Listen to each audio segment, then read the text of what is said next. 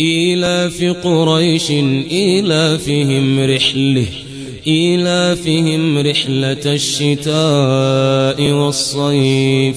فليعبدوا رب هذا البيت الذي أطعمهم من جوع وآمنهم من خوف.